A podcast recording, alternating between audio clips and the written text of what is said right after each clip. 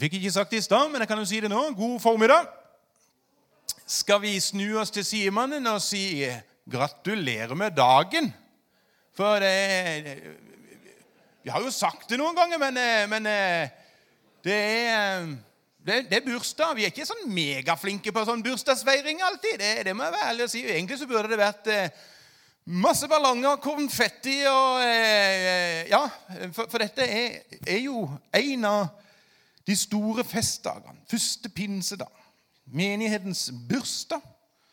Og, eh, og, jeg tenker på sånn en dag som i dag, så, så, så tenker jeg det at eh, jeg har lyst til å bruke litt tid til å gjøre noe som jeg egentlig ikke er så veldig god på. Og Nå ser jeg jo at det er noen av dere som tenker oi, oi, oi, nå skal han til å synge igjen. Men jeg skal ikke det, altså. Jeg skal, ikke det. Jeg skal, jeg skal bruke litt tid på å lese litt. Eh, og jeg er, ikke, jeg er, en av de som eh, er den heldige vinner av å være ordblind.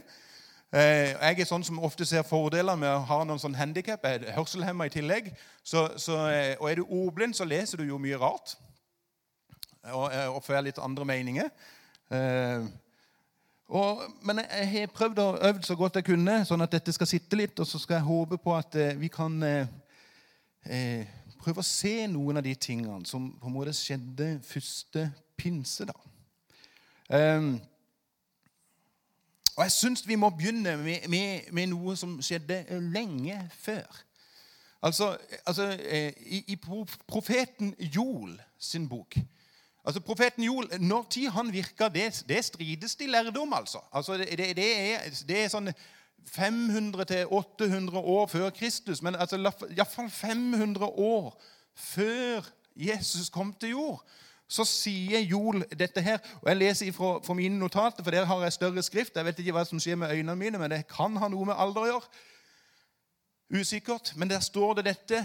En gang skal det skje at jeg og dette ordet liker at jeg øser ut.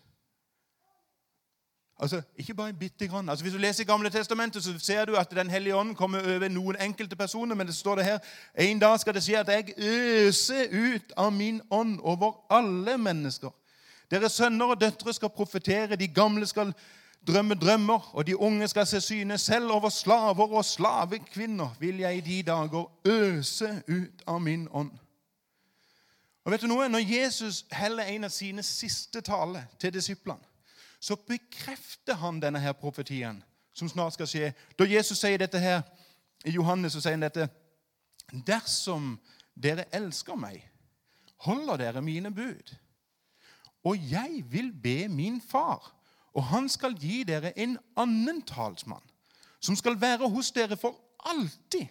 Sannheten sånn.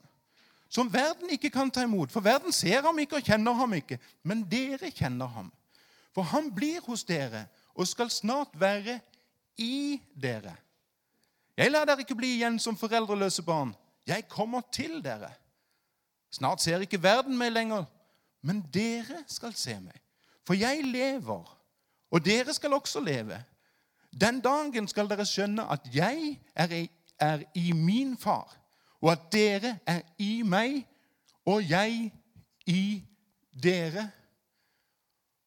Og Sist søndag så var vi innom på Kristi himmelfartstekster. og Nå kommer noe av det bare fra en annen plass i Bibelen, der det, Jesus igjen er oppe på Oljeberget sammen med disiplene sine. og Så sier han til dem, før han blir rykka opp i sky, så står det at det er Jesus som sier dette. Men dere skal få kraft når Den hellige ånd kommer over dere. Og dere skal være mine vitner i Jerusalem og hele Judea, i Samaria og helt til jordens ende. Og så går det ti dager. Jeg har av og til tenkt at de ti dagene der, de må ha vært himlende lenge. Altså Når noen sier til meg at 'nå skal du snart få noe', da kjenner jeg at da, da bør det skje ganske kjapt. altså. Men, men eh, det, det um, jeg måtte ha bilen min på verksted forleden da, og da, da, var jeg litt sånn at eh, de visste ikke når de kunne ta den. og det var litt sånn, ja, det kan gå i uke, Og jeg tenkte kjære Jesus, la det skje fortere. Og Så gikk det ikke ti dager, det gikk bare én dag, men disiplene de måtte vente i ti dager. Og I ti dager så ventet de og be de. Og så skjer det som jeg, altså jeg har litt, Dere vet hvordan jeg er. Litt sånn livlig fantasi. Altså, det, det, er jo noen ting jeg skulle virkelig gjerne vært med på. Altså, dere, altså, jeg, jeg, stiller meg ofte opp som disippel nummer 13. Altså, når det ting skjer, så er disippel nummer 13 som står litt sånn bak de andre og kikker over skuldra. Eh, men denne dagen her, det er et sånn topp fem-setting jeg skulle gjerne vært med og sett. Eh, og vi skal lese Da pinse da kom, var alle samlet på ett sted. Plutselig lød det fra himmelen som når en kraftig vind blåser, og lyden fylte hele huset hvor de satt. Tunger som av ild viste seg for dem og delte seg og satte seg på hver enkelt av dem. Altså, prøv å holde øynene litt igjen og prøv å se dette for dere. Se for deg at du er inne i et rom, og så begynner det masse lyder. Ild som plutselig dukker opp. Hvordan det så ut altså, Satte seg på hver enkelt av dem. Da ble de alle fulgt av Den hellige ånd. Og de begynte å tale på andre språk ettersom ånden ga dem å forkynne. Altså, bare sånn det sagt, du, du må ikke tenke at det, når du hører at de taler på andre språk Dette er ikke tungetale, det er en egen nådegave. Det som skjer her, det er et språkunder. Hvis du leser Bibelen litt, så er det noen ting som er litt interessant. Det er at det er noe som skjer lenge før, og så skjer det noe plutselig. Og så skal det skje igjen en annen gang. eller jeg pratet en gang om dette som handler om 'allerede, enda ikke'. Men det er et språkunder som skjer mange hundre år før dette. her. Da er det motsatt. Da er det Babels tårn det handler om. En flokk med mennesker som alle snakker det samme språket. Og så kommer Gud og forvirrer dem, sånn at ingen skjønner hva den andre sier. for noe. Plutselig så ser vi et glimt på puste pinse da, av noe som skal komme i himmelen. Plutselig så forstår de hverandre når de snakker. Og jeg er helt sikker på det den dagen vi kommer til himmelen. Da trenger du ikke kunne engelsk. Da skal alle snakke norsk. I Jerusalem bodde det fromme jøder fra alle folkeslag under himmelen. En stor folkemengde stimlet sammen da de hørte denne lyden, og det ble stor forvirring. For hver enkelt hørte sitt eget morsmål bli talt. Forskrekket og forundret spurte de, er det ikke galileere, alle de som, som taler? Hvordan kan, det, kan da hver enkelt av oss høre sitt eget morsmål? Og så lister han opp hvor alle disse folkene kom ifra. og Når han er lista opp alt i så stender det og, hører vi dem, og vi hører dem tale om Guds storverk på vårt eget tungemål. De visste ikke hva de skulle tro, og forvirret spurte de hverandre hva er dette for noe. Men noen gjorde narr av dem og sa de er drukne og fulle av søt vin. Da steg Peter fram sammen med de elleve. Han hevet stemmen og talte til dem. Jødiske menn og alle dere som bor i Jerusalem, merk dere hva jeg sier, og lytt nøye til mine ord. Disse menneskene er ikke fulle slik dere tror. Det er bare den tredje timen om dagen, altså klokka ni på formiddagen. Men her skjer det som er sagt gjennom profeten Joel. Og så begynner Peter å gjenta profetien som vi las i stad. I de siste dager skal det skje, sier Gud, at jeg skal øse ut min ånd over alle mennesker. Deres sønner og døtre skal profetere, de unge skal se syner, og de gamle skal drømme drømmer. Selv over mine slaver og slavekvinner vil jeg i de dager øse ut min ånd, og de skal tale profetisk. Jeg setter varsler opp på himmelen og tegn ned på jorden, blod og ild og røy, røykskyer. Solen skal forvandles til mørke og månen til blod før Herrens dag kommer, den store og strålende. Men vær den som påkaller Herrens navn, skal bli frelst.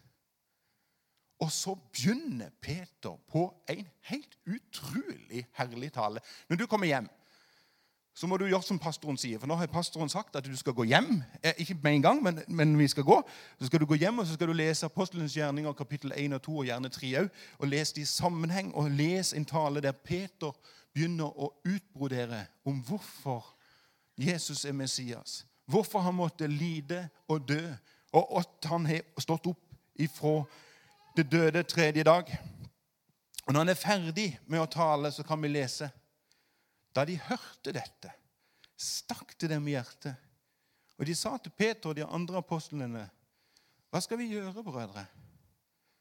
Peter svarte dem, 'Vend om og la dere døpe i Jesu Kristi navn, hver og en av dere.'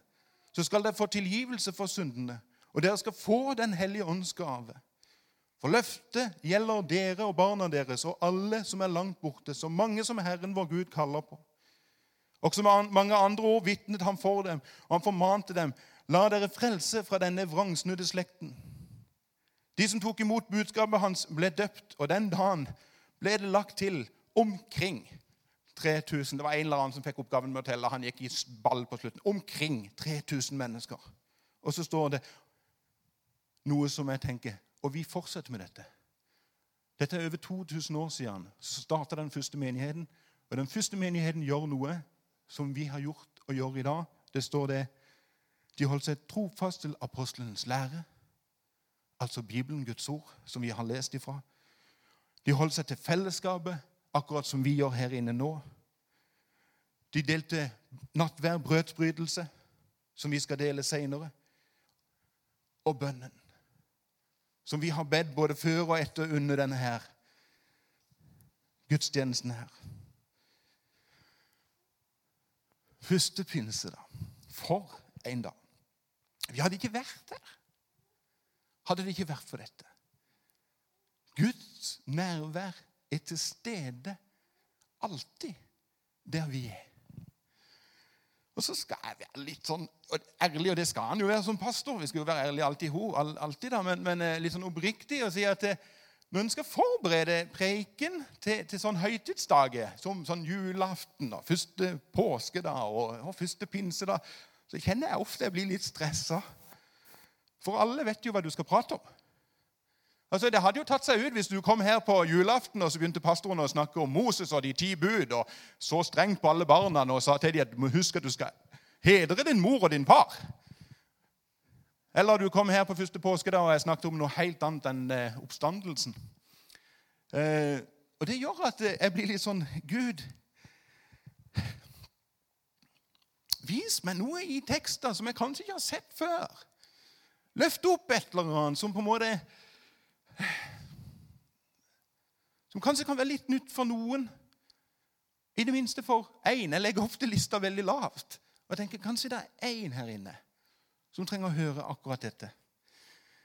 Og For en tid tilbake siden, når denne dagen her gikk og rulla i mitt hode, og jeg satt og så på denne teksten, så lander jeg ned i noe. Jeg vet ikke hvordan du har det når du leser Bibelen, men, men for meg så er det av og til sånn at plutselig så er det som om det er et et ord eller ei setning som på en måte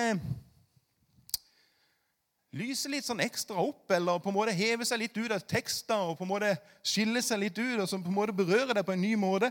Og Litt sånn hadde jeg det eh, når jeg kom over dette her. Og, og det rare er at eh, Egentlig er teksten noe som jeg har sett før. Dere skal få kraft. Men alle andre gangene jeg har lest dette, her, så har det vært det siste ordet kraft. Og så kjenner jeg å, det er så deilig. Vet du, Jeg er jo vokst opp i en litt sånn karismatisk setting som, som liten. og Jeg har hørt om Den hellige ånd fra jeg var veldig liten. Og, og på en måte å, Kraftige undergjerninger, og vi syntes at det er fantastisk. Men denne dagen, da jeg satt og leste, så var det ikke ordet 'kraft' som poppa så veldig. Men det var det første ordet. Dere. Det er Jesus som sier det. Dere og så var det som om Den hellige ånd tok meg på en liten rundreise i møte med disse her dere som Jesus sto føre. Og ikke bare tok han med meg på disse disiplene, men òg mange andre av Bibelens store helter. Og Det er dette som jeg syns er så herlig med Bibelen. Det er at den viser menneskets sanne jeg. Altså Det er ikke litt sånn at han prøver å pynte på fasaden. Altså Hvis du leser andre religiøse skrifter, så framstilles folk i veldig godt lys. Bibelen gjør ikke alltid det. Altså, Der får du lest om vrangsida. Altså, altså, tenk deg disse her som står framfor Jesus. En av de sleit mye med tvil. To av de de krangla så mye at de blir kalt for Tordensønnene. Altså, Da er du ganske ram, altså. Peter, en som hadde fornekta oss. Hvis du begynner å gå inn mange av disse andre altså, Moses. Hva med Moses, denne store lederen? Hva sa han om seg sjøl? Jeg er så dårlig til å tale, Gud. Jeg kan jo ikke tale. Det er jo nesten sånn at du kan lure på om han sleit med å stamme eller noe i den duren der. Aron, hans bror, som skulle være det store talerøret, åssen oppførte han seg når presset ble for stort fra alle de andre? Og Da falt han for fristelsen for å være med og så skape en avgud. Gideon, hvis du leser om han altså, Han følte seg bare så liten. altså Det var ikke mer som at han var den minste i slekta si, men han var den minste i slekta si pluss den minste stammen. altså er Den minste av de minste, minste, minste. Altså Det er litt som når, når jeg var liten, så sang vi jo denne sangen 'Sakkeus var en liten mann'. Og så sang vi 'En bitte, bitte liten mann'. Og Når man er ordblind, så hører man jo neste tekst òg. Han klatret opp i et jordbærtre. Og det er klart at det så jeg jo at det var jo ikke noe problem, for han var jo så bitte liten. Han var liten, han, altså. Altså, Disse her folkene som du møter i Bibelen Det er jo et tabberegister ut av en annen verden. Og så står Jesus framfor disse her, og så sier han dere Vet du noe? Hvis du hadde lest det fra en annen bibeltekst enn apostlenes gjerninger, så står det til og med at dere, de der som sto der så står det om dem. Og noen av dem tvilte. Og jeg tenker er det mulig? Og Så gjør det at jeg kjenner at vet du noe, i denne flokken her kan jeg stå. For hvem av oss har ikke ofte kjent litt på at jeg er ikke så veldig Jeg føler meg litt liten. Nei, vet du, De andre får snakke, for vet du, Tore, jeg er jo ikke så god til å snakke. vet du. Altså, Jeg er jo ikke så, altså, å, jeg gjort så mange tabber. Altså, Når jeg blir pressa opp i noe, så, så, så, gjør jeg dumme ting. Altså, Så blir på en måte registeret så stort av, ting som på en måte ikke passer inn. Derfor så er det et bibelvers som jeg syns utbroderer første påske der så fantastisk i forhold til akkurat dette med 'dere skal få kraft'. Hvis du har med deg Bibelen, så skal du slå opp i 2. Korinterne, kapittel 4. Der skal vi lese fra kapittel 6, og der står det dette.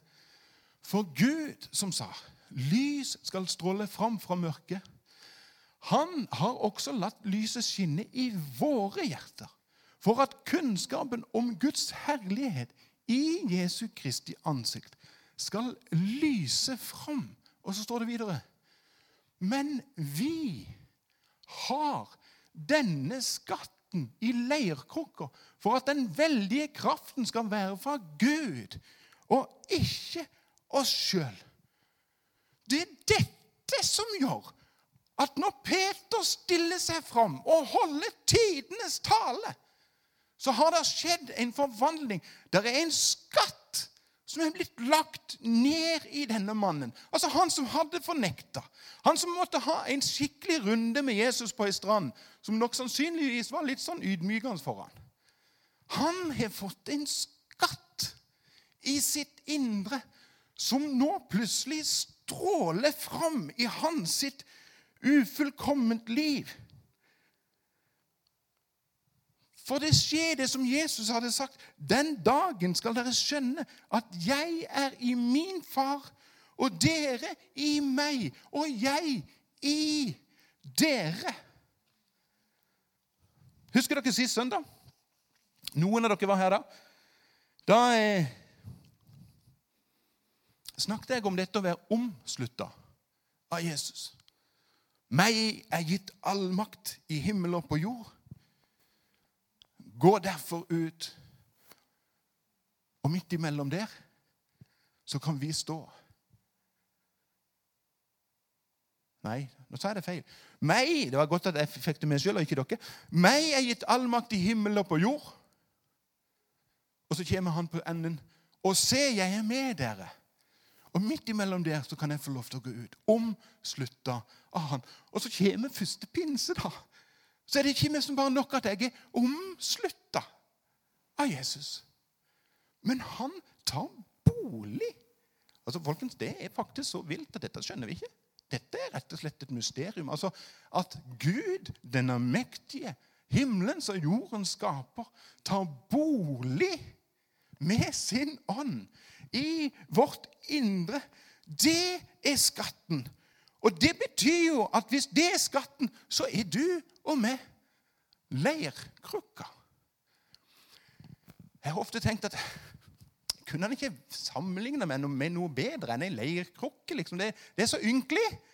Det var Det dårligste de hadde i den tida. Kunne de liksom ikke Gullkrukke?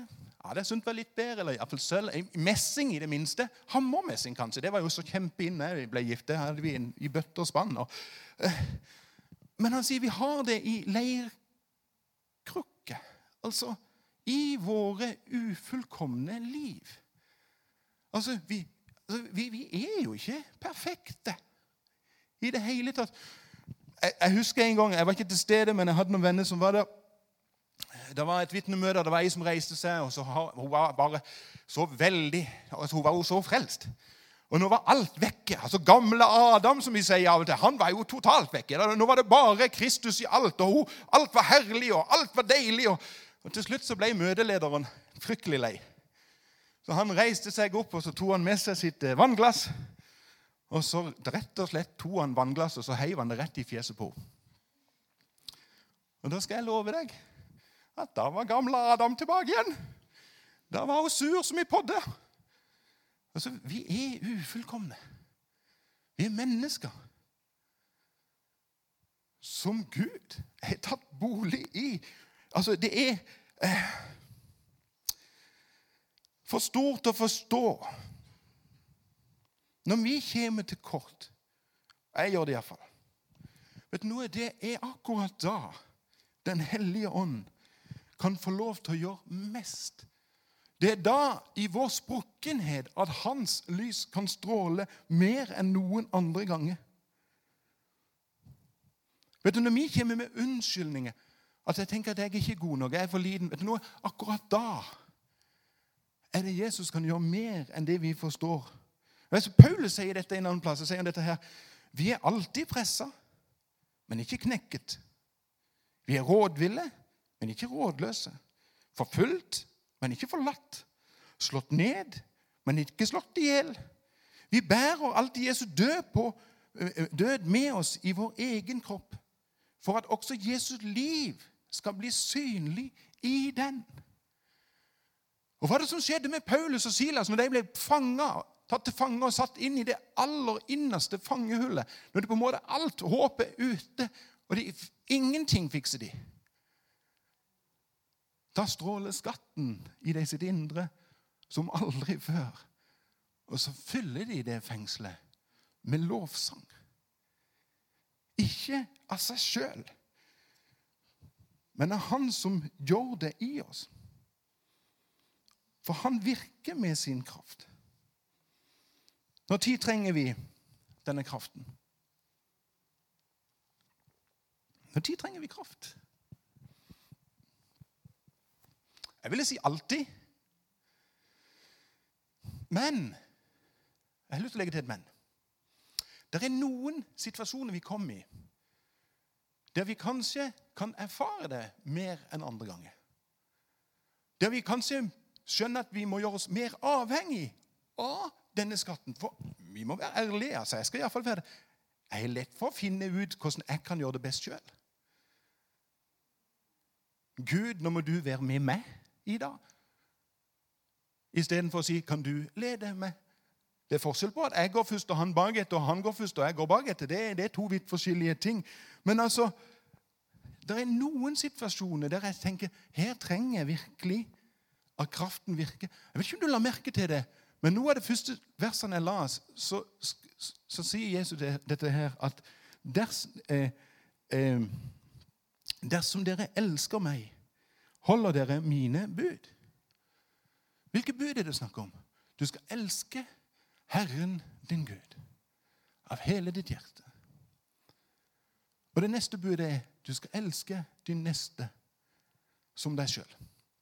Det første budet det syns jeg ofte, det synes jeg kanskje er litt sånn greit.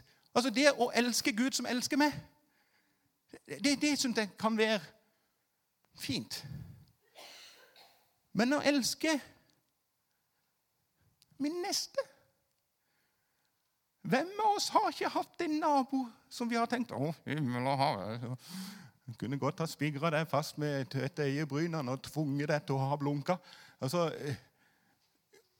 Og mange ganger i de situasjonene der så har jeg vært litt sånn Kjære Jesus, hjelp meg til å elske disse her menneskene her.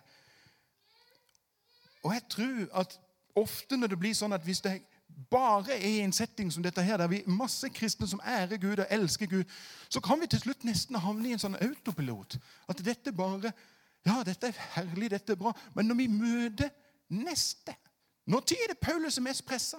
I møte med andre mennesker. Ikke når han er sammen med Gud alene på enerom. Men i møte med andre mennesker så tyter det litt andre ting sammen. Men jeg ønsker Jeg virkelig bønn om at Gud må skatten din lyse mektig igjennom meg.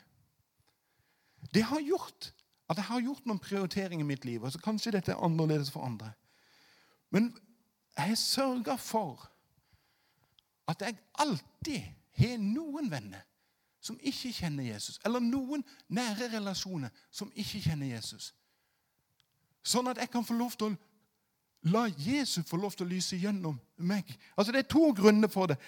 Det ene er at jeg må være bevisst min relasjon med Jesus når jeg er sammen med dem. Da må jeg være bevisst på at vet du noe, jeg, jeg er kobla på Gud. Han bor i mitt indre.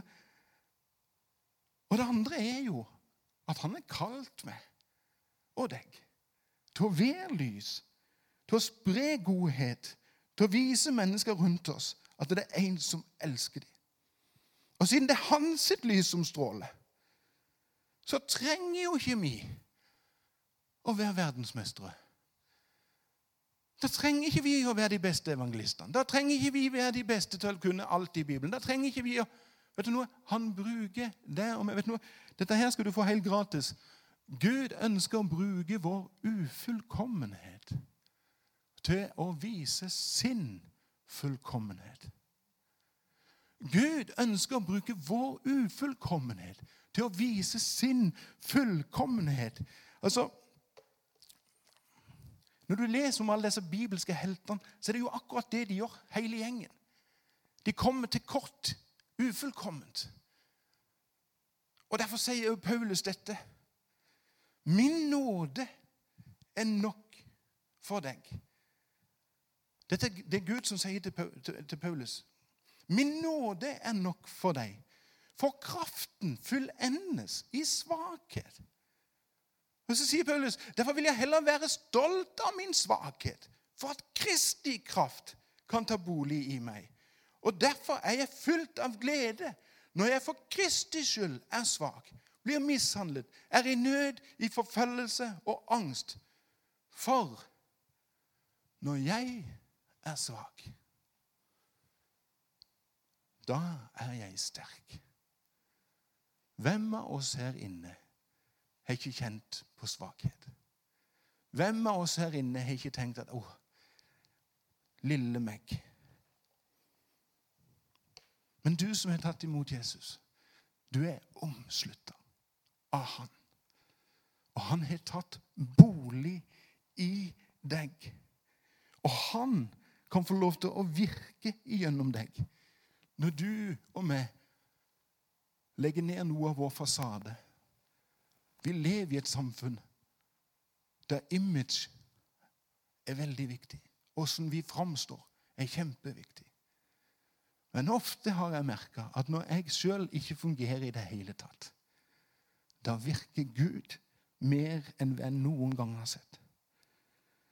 Og jeg tror at jo flere mennesker som vi har relasjon med, som ikke kjenner Jesus, jo flere mennesker kan få lov til å se Guds storhet gjennom ditt og mitt liv, i vår ufullkommenhet, kan Han lyse sin fullkommenhet. Og Hvis du sitter her eller hvis du sitter og hører på, på podkasten, og du ikke kjenner Jesus vet du noe? Han er en bønn i vekk fra deg. Sier du ja, Jesus, så er han der med en gang. For hva var det vi la oss? Alle de som påkaller Herrens navn, skal bli frelst. Amen. Jesus, vi takker deg for det at du har tatt bolig i oss. Takker deg for det at eh, Vi trenger ikke å føle at alt går på skinner. Vi trenger ikke å prestere, men vi kan få lov til å stole på at du lyser igjennom oss enkle leirkar. Jesus, hjelp oss til å elske vår neste. Hjelp oss til å se hvor, hva vi har i deg, hvem vi er i deg. Og la din ånd få lov til å gjøre større ting gjennom oss enn det vi noen gang har sett før. I Jesu navn. Amen.